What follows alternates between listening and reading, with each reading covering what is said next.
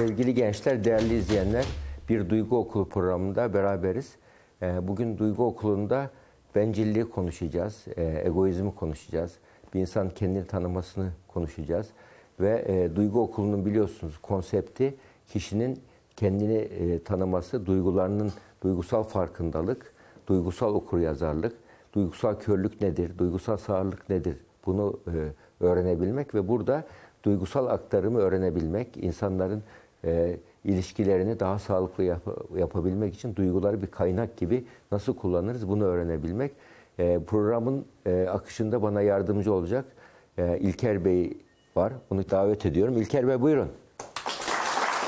Evet, hoş geldiniz. Hocam şimdi bu bölüme de İlker sana çok uygun bir konuya başlayacağız diye başlamayacaksınız diye umuyorum. Yani çok bencil bir insan olduğumu düşünmüyorum. Evet. Ee, ama bencillik tabii oldukça yaygın. Belki de hepimizin ister istemez bazen e, düştüğümüz hatalardan bir tanesi olabilir. En bencil varlık çocuktur biliyor musun? Öyle mi? Tabii çocuk en bencil varlık. Çünkü sadece kendini düşünüyor. Tabii. Çünkü doğmuş, doğduktan sonra birdenbire e, ilk tepkisi ağlamak. İlk duygusu korku. İlk e, olumlu hissi güven. O da anne. Böyle durumlarda annem ben ve e, dünya onun etrafında dönüyor görür çocuk. Böyle olduğu zaman diğer insanlar onun için artık ikincildir. Yani kendi dünya kendi merkezinde etrafında dönüyor.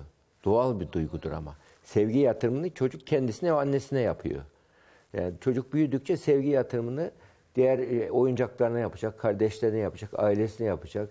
Daha da büyüdükçe ülkesine yapacak, vatanına yapacak, insanlığa yapacak. O yani olgunlaşma süreci içerisinde sevgiyi yönetirse insan bencilliğini e, eğitebiliyor ve eğitemiyor. Yani bencil insanlar sevgi yatırımını kendilerine yapıyorlar. Ee, bu, Evet. bu anlamda diğerlerinden biraz daha bencil olan insanlar aslında biraz da çocukluğuna mı kalmış oluyorlar? Çocukluğa da çocukluk döneminde kalıyor. Aslında onun için Freud güzel söylemiş. Mesela e, primer narsizm çocukta vardır. Senin kendisini sever. Ama sekonder narsizm şizofrende vardır. Şizofren neden? Şizofren e, olgunlaştıktan sonra tekrar kendini, kendini sevmeye başlar. Ayrı bir dünya içerisinde sadece kendinin merkezde olduğu, savaşlar çıkardığı, dünyayı düzelttiği, e, böyle bir dünyada yaşar. Kendi etrafında dünya döner. Ama e, şizofren kişinin tabi akıl sağlığı bozuktur. Ama ruh sağlığı yerinde olan bir kimse de narsist olursa ne olur? Kişilik bozukluğu, kişilik çatışması yaşar. Yani ben aslında bencillikle duyguların yönetimi çok ya- yakından ilgili. Kendisi egosuyla başkalarının arasındaki sınırları, duygusal sınırları çizebilen bir insan kendisini yönetebiliyor. Böyle sevgi ve adalet dengesini kurabilecek kişi. her programda olduğu gibi günlük hayattaki karşılıklarından başlayıp belki bu, bu bölümde de narsizme doğru yani kişilik bozukluğuna doğru gideceğiz ve tedavileri konuşacağız ama e, isterseniz günlük hayattaki bir yansımasını görelim. Evet. E, o zaman alkışlarla Irmak'ı sahneye davet edelim. Irmak orada evinde, ben burada evimdeyim. Bir telefon konuşmasıyla başlayalım. Ne yapıyorsun hayatım? İyiyim hayatım toparlanıyorum. Ya birazdan böyle hazırlanıyorum çıkacağım işte. E ben çoktan hazırım. Sen daha yeni mi giyiniyorsun? Bak geç kalacağız sinemaya İlker. Ya Irmak ben de tam onu söyleyecektim ya. Bir şey söyleyeceğim. Şu sinemaya Taksim'de gideceğimize benim buralarda gitsek olmaz mı? Beylikdüzü'nde. Evet. Ya İlker saçmalama beni buradan oraya getirme şimdi. Çok uzak yani. Ama hayatım bir şey söyleyeceğim ya. Şimdi İstanbul trafiği gerçekten beni çok boğuyor. Yani Taksim'e şimdi çok Beylikdüzü'nden Taksim'e kadar trafik vardır. Girmesek o bak o trafiğe beni sokmasan olmaz Ya mı hayatım? İlker'cim Tuzla'dan geleceğim ben. Saçmalama lütfen. Aynı trafiği ben de çekeceğim yani. Ama hayatım biliyorsun yani insanı hayattan soğutuyor ya bu İstanbul trafiği. Şimdi sana hayatım diyorum sonra hayattan soğuyorum diyorum. Şimdi sen onu da yanlış anlarsın. Yani ondan değil. Ben onu trafikten kastediyorum. Yani sen hayatımın soğuduğu tarafı değil sıcağısın. İlker. Traf- Heh. Laf kalabalığı yapma hiç bana. Aynı trafiği ben de çekeceğim. Üstelik senin araban var benim yok. Ben otobüsle çekeceğim. Heh, ben de onu diyorum hayatım. Yani arabam mı var, derdim var. Yani e, bak hayatım Taksim'de ya o gideceğim oraya park yeri bulamayacağım. Bak sen otobüstesin. Geleceksin buraya park yeri aramayacaksın, şey yapmayacaksın. Gel bak gel lütfen Ya burada ferah İlker, ferah. sayende İstanbul'da Beylikdüzü'nden başka yer görmedim ya. Yok orada trafik var, yok burada park yeri sorun. Yeter artık bu ne böyle başka bir yer görelim ya. Çok- acayip haksızlık yaptın şu an. Ben mi haksızlık yaptım? Evet sen haksızlık yaptın. Çok haksızlık yaptın hayatım. Sor bakalım Allah aşkına kimin sevgilisi sevgilisi sayesinde İstanbul'u bu kadar görmüş? Ha? Tuzla'dan Beylikdüzü'ne seni getirip durmasam panoramik olarak bütün İstanbul'u kimin sevgilisi bu kadar İstanbul'u gezmiş acaba? Tabii İlker tabii. Kapat telefonu tamam geliyorum. Heh, gel, gel hayatım gel gel gel. Evet sinemada buluştuk. Bak hayatım ne güzel oldu böyle ferah ferah. Oh. Evet. ee, senin enerjin düşük biraz ama. Enerjimin büyük bir kısmını da öteki meridyende bıraktım İlker'cim. Tuzla'dan Beylikdüzü'ne gelince jet lag yaşadım. Ya hayatım bak abartıyorsun. Bak şöyle ferah ferah ne güzel böyle filmimizi izleyeceğiz. Ondan sonra da güzel güzel yemek yiyeceğiz. Tamam ben ısmarlayacağım. Tamam. Tamam, tamam, Heh, hadi. Tamam. Peki sen rahat mısın? Aha, rahat. Tamam güzel. O koltuğun arkası çalışıyor mu? Bazıları bozuk oldu. güzel, Heh, güzel. Tamam güzel. Peki şey e, sıcaklık falan vuruyor değil mi? Sı- ısı- Gayet güzel. üşümüyor. iyi yerden almışım. Tamam Evet, ekranı falan teşekkür görüyorsun değil mi? Kafa falan denk gelmiyor. Görüyorum, güzel. Heh, tamam. E, Irmak o zaman yer değişelim ya. ederim. Değiştirelim. Hadi değiştirelim ya. Gel. Bak geç sen böyle. Geç. Ha. Ha. Oh be. Dünya varmış. oh iyi İlker oldu be. buradan ekranın yarısı gözükmüyor. Hiç kafanda bir oturmuş. Evet hayatım ben de onun için dedim zaten. Adamın yani kafası bu kadar büyük, saçları bu kadar kabarık, boyu bu kadar uzun. Gitmiş önden bilet almış. Ne bencil insanlar var değil mi? Sadece kendilerini düşünüyorlar ya. Ben yerime geçebilir miyim? Hayatım ama ışıkları kapattılar şimdi film başlamak üzere. Ayağa kalkarsak arkadakiler der ki bunlar ne bencil insanlar. Yani bizim önümüzden geçiyorlar hala yer değiştiriyorlar. Çocuk muyuz biz? Hadi bu- böyle idare ederiz hadi.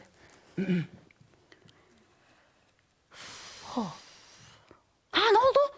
Abi biri ateş etti ki. Dur dur dur dur bir saniye dur. Ben o tarafı hiç göremiyorum. İlker, hayatım, en heyecanlı yeri bir Esas dakika kızımı vurdular. Hayatım dur ya tamam en heyecanlı yeri- Göremedim. İlker ya. Ha. Ha o. Oh oh oh. oh. Ha. Oh, ha. Ya ne güzel filmdi değil mi ya? Bak vallahi içinde korku, e, komedi, her şey, heyecan, her şey vardı. Vallahi nasıl bitti ben anlayamadım ya. Bir şey söyleyeceğim. İyi ki gelmişiz. Ben filme bayıldım. 10 üzerinden 10 veriyorum. Hı, ne güzel. E ne oldu? Sen kaç veriyorsun? Beş. Hayatım ama sen de ne kadar kıt not veriyorsun ya. Film gayet güzeldi şimdi. Beşlik film miydi yani şu?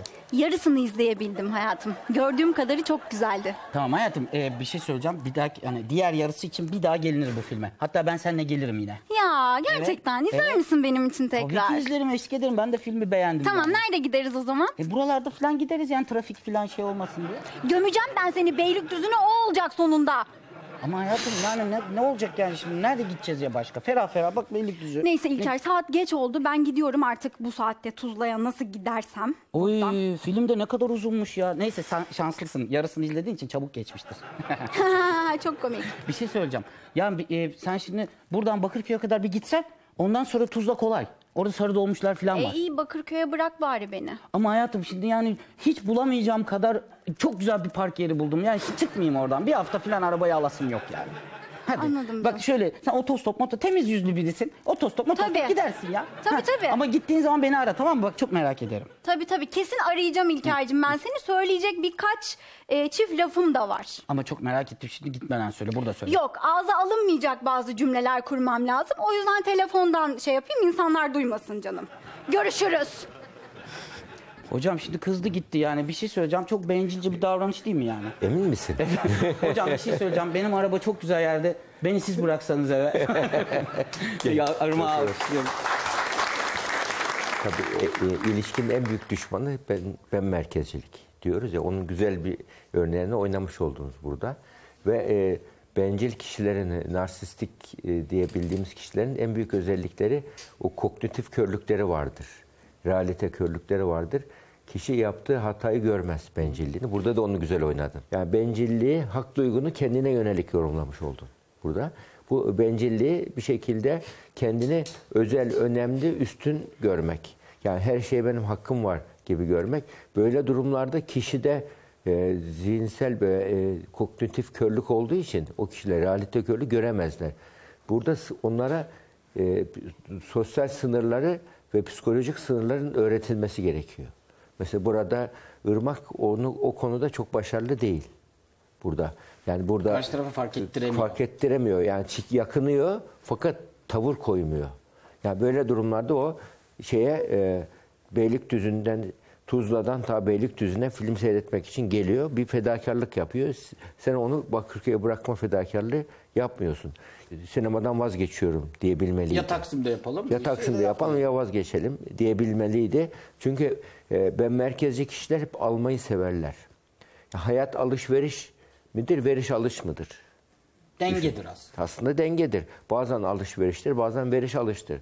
Bu kişiler hep alış gibi görürler hayatı.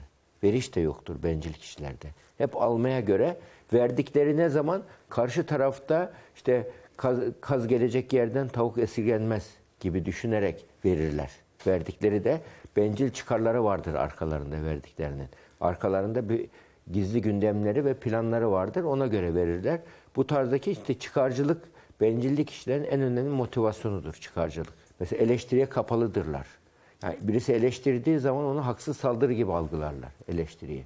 Ve eleştiren kişiyi e, e, e, beni engelliyor diye düşünürler. Ben, ben hayat yolunda ilerlerken beni engelliyor kişiler öfkelenirler, sinirlenirler. Onun için narsist kişilerin böyle kolay sinirlenmeler, öfkelenmeler sık rastlanan bir şeydir. Yani öfkelenme, kolay sinirlenen kişiler aslında kendi zihinlerindeki e, böyle hak duygularının engellendiğini düşündükleri için ve bu kişilere çok haksızlığa uğradığını mı düşünüyorsun deyince evet derler bu kişiler. Yani ama olay ne kadar sen haklısın, ne kadar sen haklı değilsini bir analiz ettiği zamanlar hep kendilerini mesela trafikte dur, arabaya durdururlar bir şey olur. Polise mesela benim kim olduğumu biliyor musun derler. Rastladığımız bir şeydir. Bu tipik narsisttir. Onların en büyük organları egolarıdır narsistlerin. O kadar büyük ki yani ya kendi egolarından başkasına yer yoktur. Mesela eşine, çocuklarına, her şeye karşı ona hizmet etmek zorunda hissederler. Yani karı koca ilişkisi e, narsist bencil kişilerin köle efendi ilişkisi gibidir. Evde dominanttırlar. Baskın kişiliktirler. Yani evde yani karşı taraf ya korkutarak e, otorite sağlarlar ya da yani bir şekilde diplomatik yollarla otorite sağlarlar. Ama kontrol bende, güç bende hissini oluştururlar. İlk ve öncelikle kendini sever insan. Öncelikle. Kendini geliştirdikçe başka şeyleri sevmeye başlar. Eğer bir insan kendini geliştirmeyi başaramazsa sadece kendini sever. Bu sadece kendini seven insan gelişmişlik düzeyi açısından ilkel seviyede kalmış insan. Bir de mutsuz olur. Mutsuz oluyor, yalnız oluyor çünkü. İşbirliği kurabilmesi için benim haklarım, karşı tarafın hakları ve uzlaşmacı olabilmek, paylaşmacı olabilmek, yani verici olabilmek, fedakar olabilmek. İnsan ilişkilerinde güç odaklı ilişki değil, adalet odaklı ilişki kurabilmek. Mesela ailedeki ilişkilerde güç odaklı ilişki kurmaya yönelik bir ilişki varsa genellikle parasal gücü üstün olanlar erkek bağırıp çağırıp korkutup kontrol bende, güç bende diyor ve karşıdan ezilen bir eş çıkıyor ortaya. Ekonomik durumu sopa olarak kullanıyorsun ve adı adil değil bu. Yani adil olması için muhakkak güç odaklı değil, adalet odaklı bir zihin algısı gerekiyor. Yani onun için sevgi ve adalet, hatta bizim kültürümüzde adalet merhamet dengesi diye geçer bu.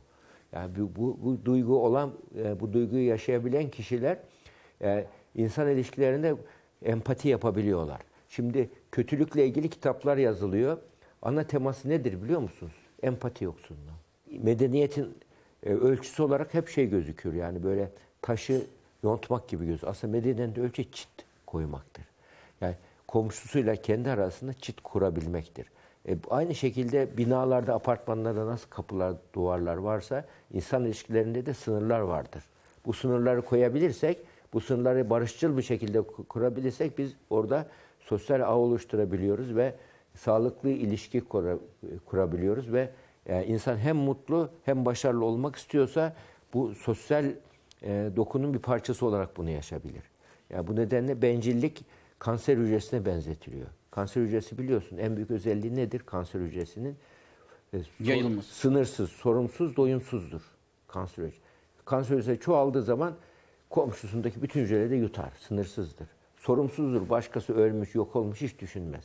Ve doyumsuzdur, hep bana hep bana der. Aynı bencil insanda sınır tanımaz, sorumluluk hissetmez başkasının haklarına, doyum taramaz, büyür. Karaciğerde bir hücre büyür, karaciğerin büyüt, bütün karaciğeri kaplar, vücudu kaplar, kendisiyle birlikte bütün vücudu öldürür. Bencil insan da öyle. Aileyi yıkar farkında da varmaz. E, bencil insan aslında bir şeyler kazanıyor gibi hissediyor da belki öyle gibi görülüyor dışarıdan İlk- ama aslında öyle. evet aslında e, büyük fotoğrafta mutsuzluğa ve yalnızlığa doğru Ya gidiyor. uzun vadede onun için güzel bir söz vardır. Erdemli olmak mı karlıdır, çıkarcı olmak mı karlıdır? Uzun vadede Ya çi- kısa kesin- vadede çıkarcı olmak karlı gözükür ama uzun orta ve uzun vadede erdemli olmak karlıdır. Şimdi kapitalist ahlakla baktığın zaman ahmaklık gözüküyor. Ama orta ve uzun vadede baktığın zaman yatırım yapmış oluyor gözüküyorsun. Aslında geleceğe yatırımdır fedakar olmak. Yani çıkarcılık değildir aslında akıllılıktır bu. Peki soru alalım hocam. Tabii. E, sorusu olan var mı arkadaşlar? Buraya bir mikrofon uzatalım. Çocuklukta çok fazla şımartılmak e, ileriki yaşamda bencillik yaratır mı kişiye? Yani çok güzel bir soru. Teşekkür ederim. Yani bir çocuğun her istediğini yapabilmek onu ben merkezi yapar. Her şeyi hakkı gibi görmeye çalışır. Ama hayat böyle yani çocuğun küçük yaştaki bencillikleri şirinlik olarak görülür genellikle. Böyle sevilir. Yani onun tutturmaları vesaire. Yani hatta ben e, bu tarz e, çok örnekler gördüm. Evin küçük hükümdarı oluyor çocuk. Öyle bir yer ya da prenses gibi büyütüyor. E daha sonra hayat tabii annenin e, sera çiçeği gibi büyüyor çocuk. Ve böyle durumlarda çocuk ileride hayatın zorluklara karşılaştığı zaman hemen dağılıveriyor.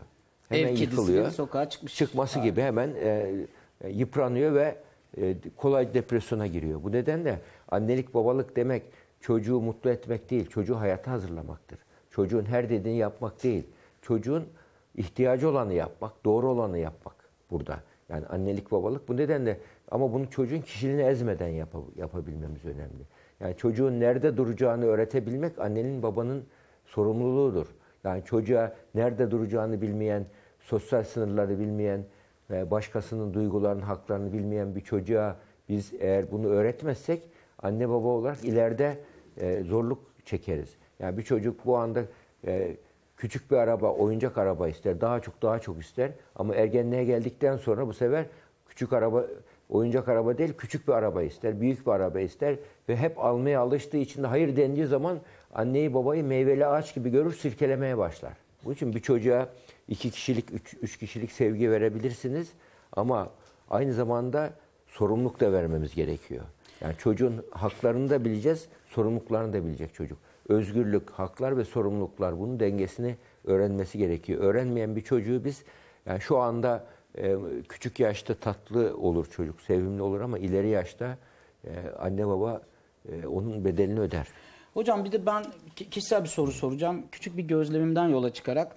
Ee, daha eski yıllarda hatırlıyorum daha çok anne ve babalar bilhassa anneler çocuklarına genelde hem kadın erkek ilişkileri hem iş hayatıyla ilgili şu cümleleri kurarlardı.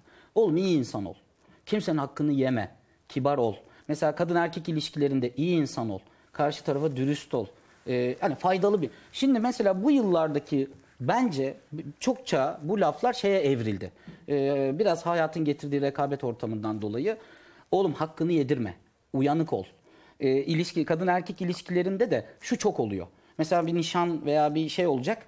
Oğlum bak nasıl başlarsa öyle gider. Hani kendini ezdirme. Yani e, bence biraz hani e, böyle bir gaz da var alttan alttan. Yani iyi niyetle yapılan ama kötü bunu, sonuçları bunu neye olan. borçluyuz biliyor musun? Hollywood'a borçluyuz. Hollywood'a borçluyuz.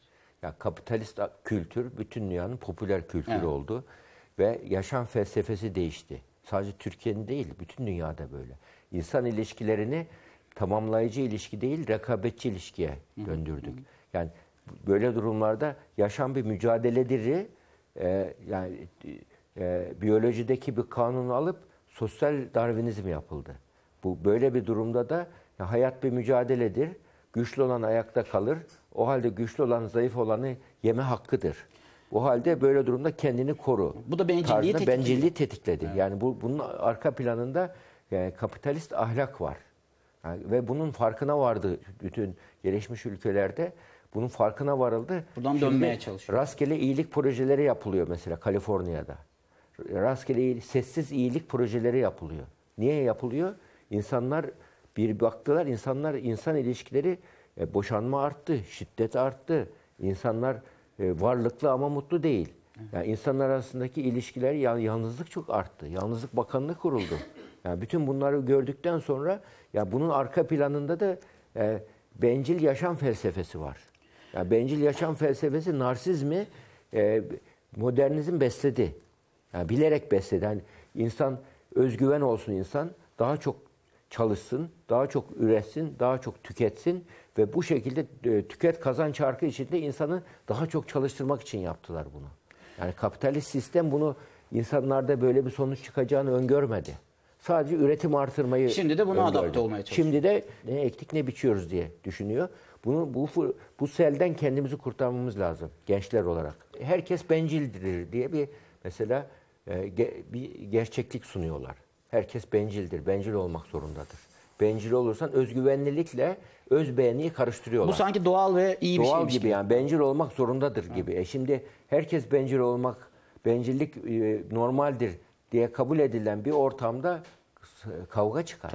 Hiç kimse bencil olmasa aslında bencil olmaya zaten gerek olmayacak Yani gibi bir be- paradoks bencil olmasın ama kendi hakkıyla başkasının hak- empati empatiyle kendi hakları başkanın hakları arasında dengeyi kursun. Şimdi ben e, insanların çok önem verdiği biraz iş dünyasından bir örnek oynamak istiyorum. İşbirliği kuramayan, kurmakta güçlük çeken çok ben merkezli bir yönetici göreceğiz ekibiyle.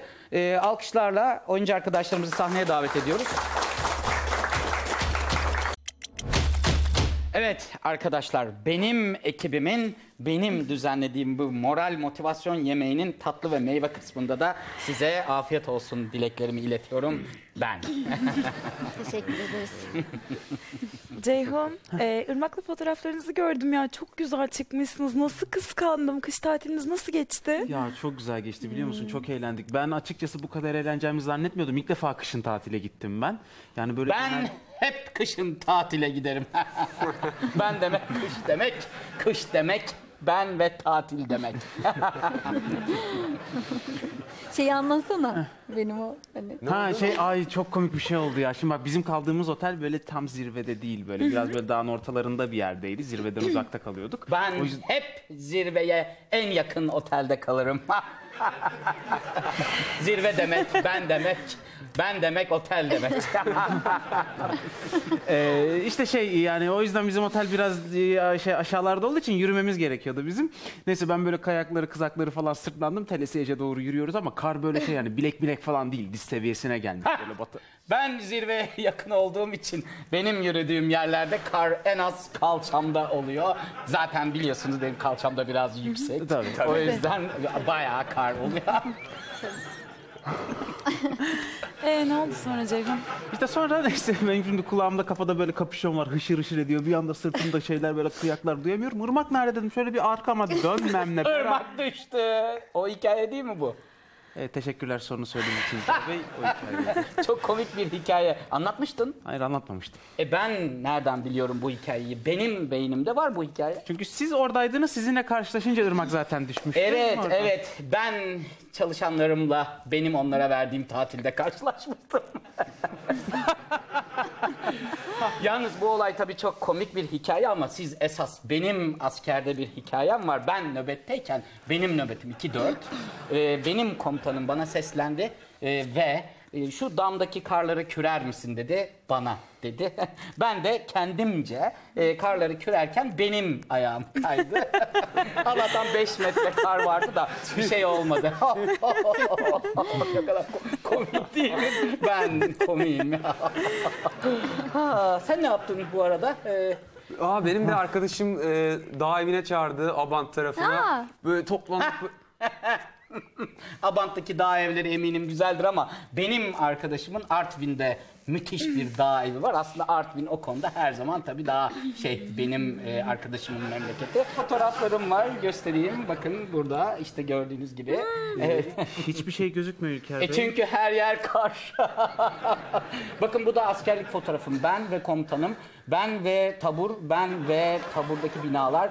Burada sadece ben, burada da sadece ben, ben, ben, ben ve ben. ah, ah. Hikayeler ne Evet. hikayeler. Ben konuyu izin verirseniz benim düzenlediğim bu yemekte konuyu tekrar e, benim amacıma getirmek istiyorum. E, ben sizi motive etmek istiyorum. Motivasyonunuz benim için çok önemli. Ben her zaman iç motivasyonu çok yüksek biriyimdir. Hedeflerimi ben her zaman en önce tamamlarım biliyorsunuz. Ve ne kadar çalışkan olduğumu da benim bilirsiniz diye düşünüyorum. E, lütfen sizin de beni örnek almanızı rica ediyorum. Diyorum ama hocam Allah aşkına Yani herkes ben motivasyondan bahsediyorum. Herkesin suratından düşen bir parça ya ben anlamıyorum ki. Farkında mısın neden? Neden? Hiç biz kelimesi hiç kullanmadın. Evet ben hiç E, tem takım diyorsun. Ben e, hiç biz motivasyon demedim. diyorsun. Doğru. Ee, ha tamam hocam düzeltiyorum. Bu, bu sizin bu uyarınızı aldım. Hemen şimdi düzeltiyorum. Beni biz olarak değiştiriyorum. Heh, hesabımız da geldi. Arkadaşlar bizim hesabımız. hep beraber tükettiğimiz yemeğin e, hep beraber ödeyeceğimiz bizim hesabımız. Pamuk eller cebe diyoruz. Ben kendimden nefret etmeden önce sizi alkışlarla kulise uğurluyoruz efendim. Hocam bu kez ben çok abarttım ve ben kendimden nefret ettim gerçekten. çok- Fakat e, çok güzel oynadınız. E, bazı iş yerleri vardır. E, insan personel dönüşüm çok hızlıdır. En büyük sebebi böyle patronlardır. Yani böyle patronlar nedeniyle biz olacağız, takım olacağız diyor. Yemek veriyor vesaire. Fakat ego sörfü yapıyor. Yani hep kendisini anlatıyor. Yani orada yani bir soru sorarken bile, bir espri yaparken bile içerisinde kendisini öven bir parça vardır hep. Parça vardır. Övgüyle beslenen kişiliklerdir bu tarz kişilikler ve saygı duyulmaz bu tarz kişiliklere. Korkulur ama saygı duyulmaz bu tarz kişiliklere ve takım oluşturamazlar. Ee, Ama günümüzde özellikle başarıda bireysel başarılar değil, takım başarılarının önemli olduğu bir zamandayız. Motivasyon tekniği olarak bir insanın kendini değerli görmesi gerekir. Siz burada herkesi değersiz hissettiniz. Burada en değerli varlık benim dediniz.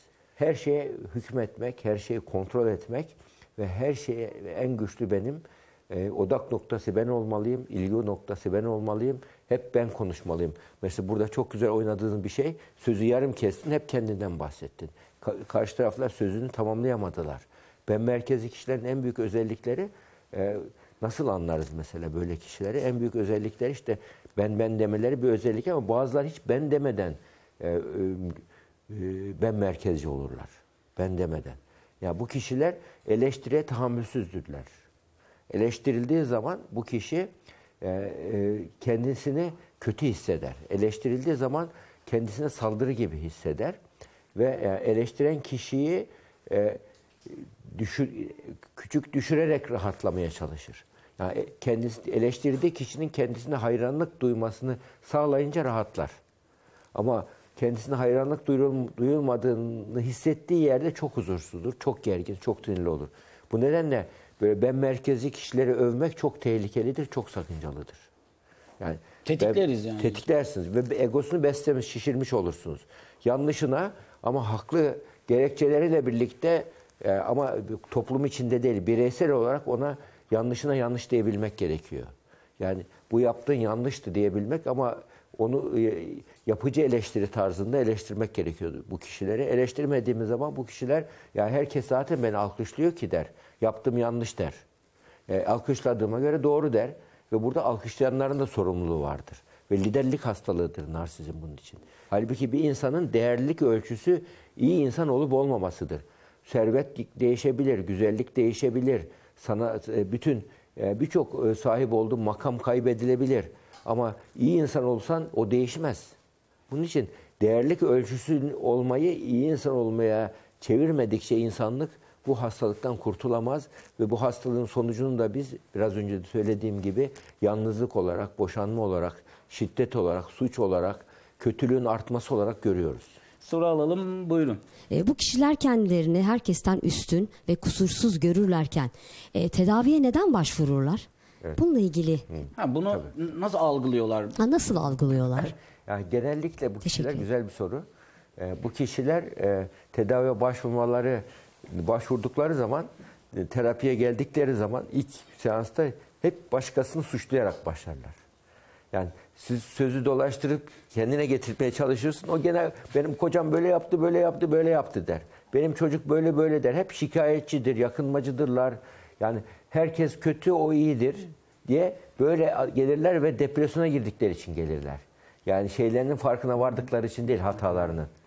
Onun için bu kişilerde Bütün dünya benim üstüme geliyor. benim üstüme geliyor der. Çünkü yani o derece artık şey yapar ki yani insanların hayır denmeyi tehdit olarak, düşmanlık olarak kabul ederler.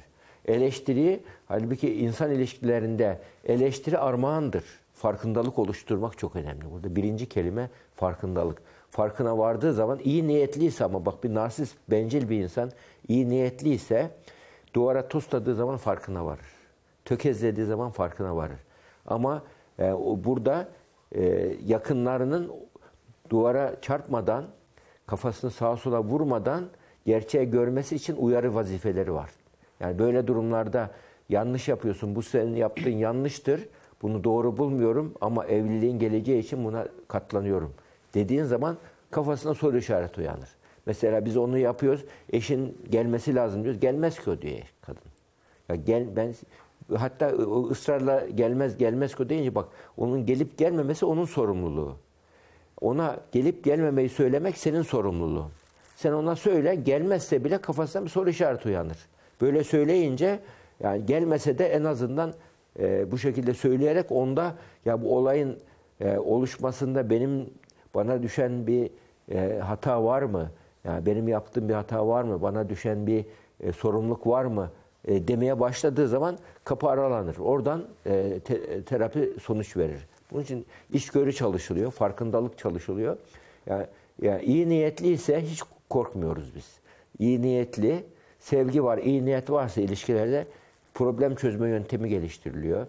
Yani ilişki ve uyumuna, durumuna göre bazı e, yöntemler belirliyoruz ve bir müddet sonra yani duruma göre 3 ay, 6 ay sonra nitelikli beraberlikler ortaya çıkabiliyor. Bunun için yani bu e, ilişki, insan ilişkilerinde e, sizin o sorduğunuz soruda yani kişi depresyona girdiği zaman farkına varıyor. Şimdi bütüncül tedaviler var.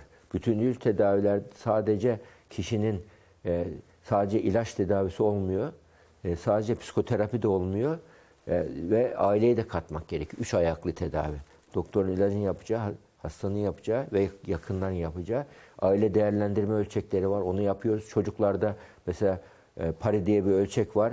E, ebeveyn tutumlarını ölçüyoruz. Onları da katıyoruz. Bütüncül tedavi yapıyoruz. Şimdi şöyle yapalım. Şimdi bu bencil insanlar yine önceki söylediklerinizden hatırlıyorum. Ee, biraz böyle narsizm olduğu zaman e, böyle çok insan görüyoruz etrafımızda. Her şeyi onlar biliyorlar. Her şeyi iyi yaptığını düşünen. Sonra duvara toslayınca bakalım ne olacak diye. Ee, Irmak'ı sahneye davet ediyoruz. Alkışlarla. Bak bak. Bak bak bak bak. İlker bırak artık şunu ya rezil Hayatım, ettin. hayatımızın en özel anlarını fotoğraflıyorum. Çünkü yukarıdan çekim zayıf çıkarız. Bak Onu bak bak bak. fotoğrafçıyı kovmadan önce düşünecektin canım. Hayatım ona fotoğrafçı mı denir? O ne be? Deklanşöre basana fotoğrafçı diyorlar. Her deklanşöre olan alete de e, fotoğraf makinesi diyorlar. Hiçbir şey bilmiyordu o ya. Ya adam ne güzel resimlerimizi çekecekti ya. Hayatım ben daha güzel çekiyorum ya. O ne öyle ya? Öyle fotoğraf mı çekilir? Kadraj bilmiyor, ışık bilmiyor, açı bilmiyor. Hiç poz bilmiyor. Anlamadım ki ya Allah Allah. Ay İlker yeter artık şu flaşı patlatıp durma suratımı patlatacağım Biraz da bir tane. misafirlerimizi çekelim. Peki biraz şey misafirler şey isterler. Halimize bak ya. Ha, güzel. Bu arada bir şey söyleyeceğim ya. Bu müzisyenler ne çalıyor böyle ya?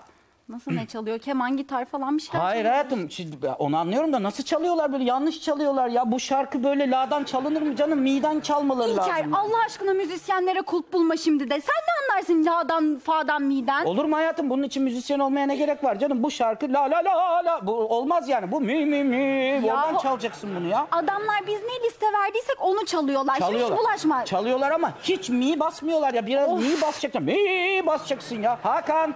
Hakan. İlker. Hakan dur seni de çekeyim.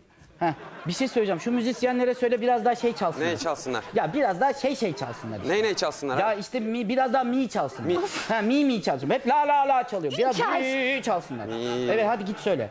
Hatta bir şey söyleyeceğim. Sen onları boş ver. Bak şurada CD var. Bir tane bana ver. Ay, oraya koymuştum. Heh, ya. Ben evde kendim söyledim. Kendim çaldım. Kendim doldurdum. Sen bunu tak. Müzisyenleri yolla. inanmıyorum Ha, bu, gerçekten. bu ne ya? Allah Allah. Hiç müzik mi? Herkes müzisyen olmuş. Ay başımıza. halimize bak İlker ya.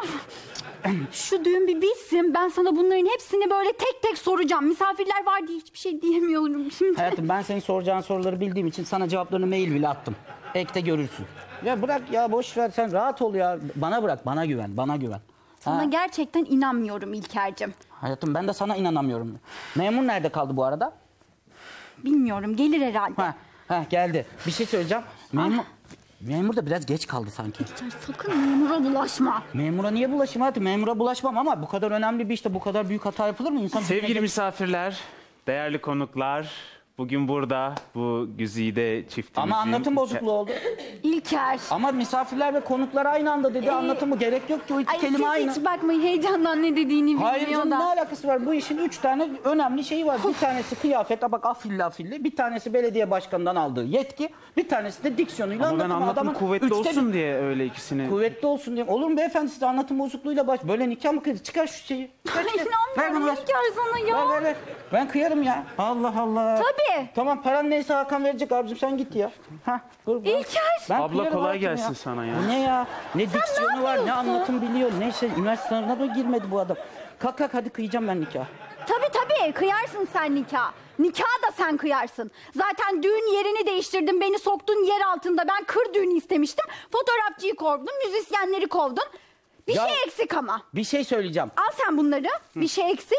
Sen gelini de kendin olursun. Kendi kendine kıyarsın nikahda. Hocam şimdi yani nedir bu ya? Gidelim bana başka kız isteyelim. Bu nedir ya?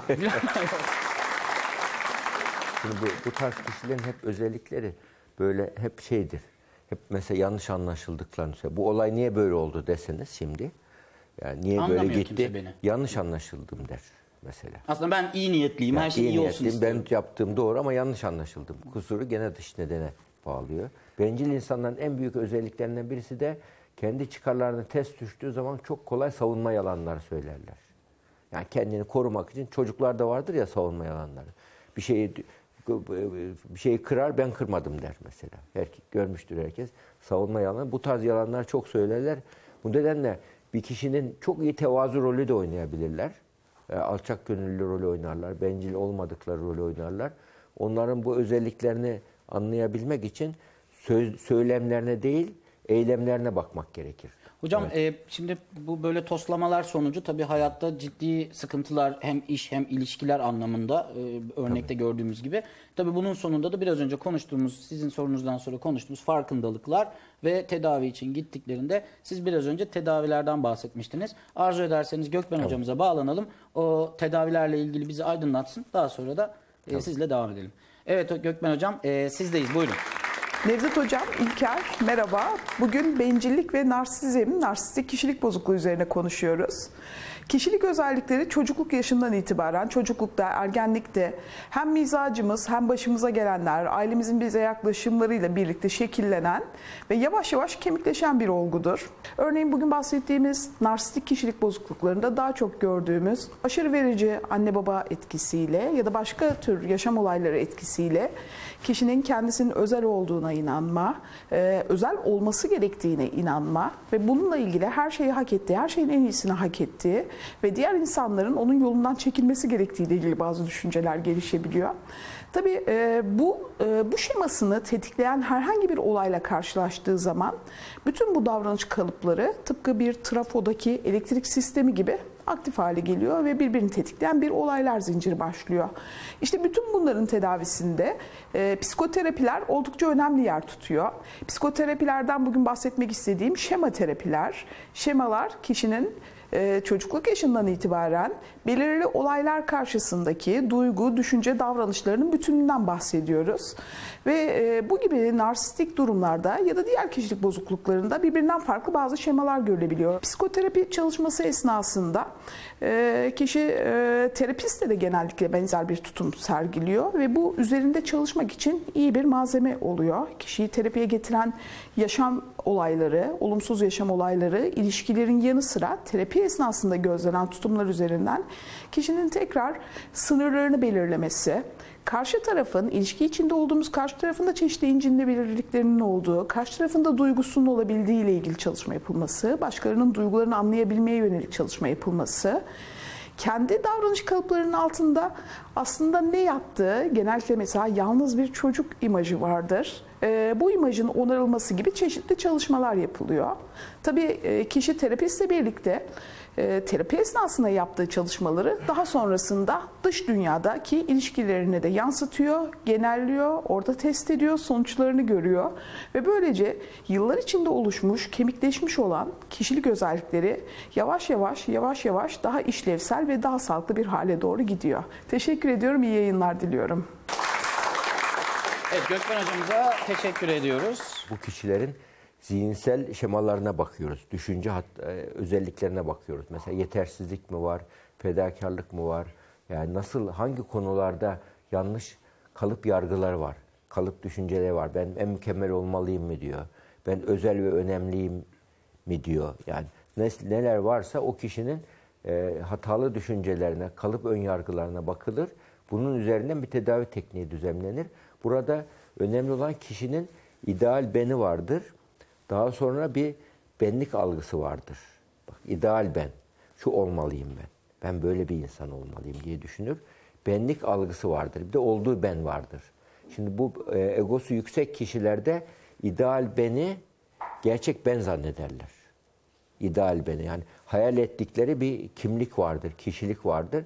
Onları sanki olduğu kimlik değil de sanki idealindeki kimliği kendileri zannederler. Şimdi burada insanın id- ideal benle e, olması gereken ideal benle e, olduğu ben, benlik algısı arasındaki mesafeyi ikisinin psikolojik ihtiyaçları belirler, içgörü belirler. Buna öz saygı diyoruz. Öz saygı.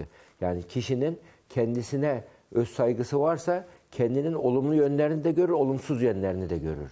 Bu egosu yüksek olan kişiler, ideal benleri öyle yüksektir, kendilerini kusursuz gördükleri için ve ben gerçek bende de ben oyum diye düşünürler. Çünkü öz eleştiri yetenekleri yoktur, gelişmemiştir. Bu bölüm konuştuğumuz konu bence birçok bölümde konuştuğumuz konuya göre daha fazla günlük hayatımızda herkeste cüzi ama ya da çok olan bir konu bence. Hepimizin bencil anları oluyordur eminim oluyordur. Ee, ancak bencillikten bir şey kazanmayacağımız net. Ee, yalnızlaşırız. Yani hepimizin içinde bir bencil parça vardır. Vardır, Tabii. mutlaka. Yani bencil değilim diyorsa bir İpin insan... ucunu kaçırdığımız kaçırır. anlar da vardır. Ama bunu bir yaşam şekli haline getirirsek bu bize bir başarısızlık, yalnızlık, e, mutsuzluk olarak dönecek. Pek bundan bir kazanç elde edilecek gibi gözükmüyor e, hiç kimse. Dolayısıyla hem etrafındakiler algıları açık olmalı, bu konuda yardımcı olmalı, farkına varmalı ve bunu iyi yönetmeli. Hem de kişi biraz kendini iyi yönetmeyi başarırsa bundan kurtulmanın da yolları var zaten. Tabii. Yani özellikle kişinin özgüvenle özbeğeni karıştırmayalım. Yani özgüven sahibi olması, kişinin kendi benim hakkım budur, benim fikrim budur demesi önemli bir şey. Ama başkalarının haklarına saygı göstermek, başkalarının duygularına okuyup anlayabilmek, başkalarının ihtiyaçlarının farkına varabilmek empati olarak biliyoruz. Yani bir empati becerisi kazanmış bir insan bencilliğini yönetebiliyor demektir. Programın sonuna geldik. Ee, bir duygu okulu programında e, bencilliği konuştuk, egoizmi konuştuk, narsizm konuştuk. Kendimizi tanıma yolunda, e, farkındalık yolunda önemli bir e, alanı e, konuşmuş olduk. Herkese, sizlere, bütün izleyenlere hayırlı günler diliyorum.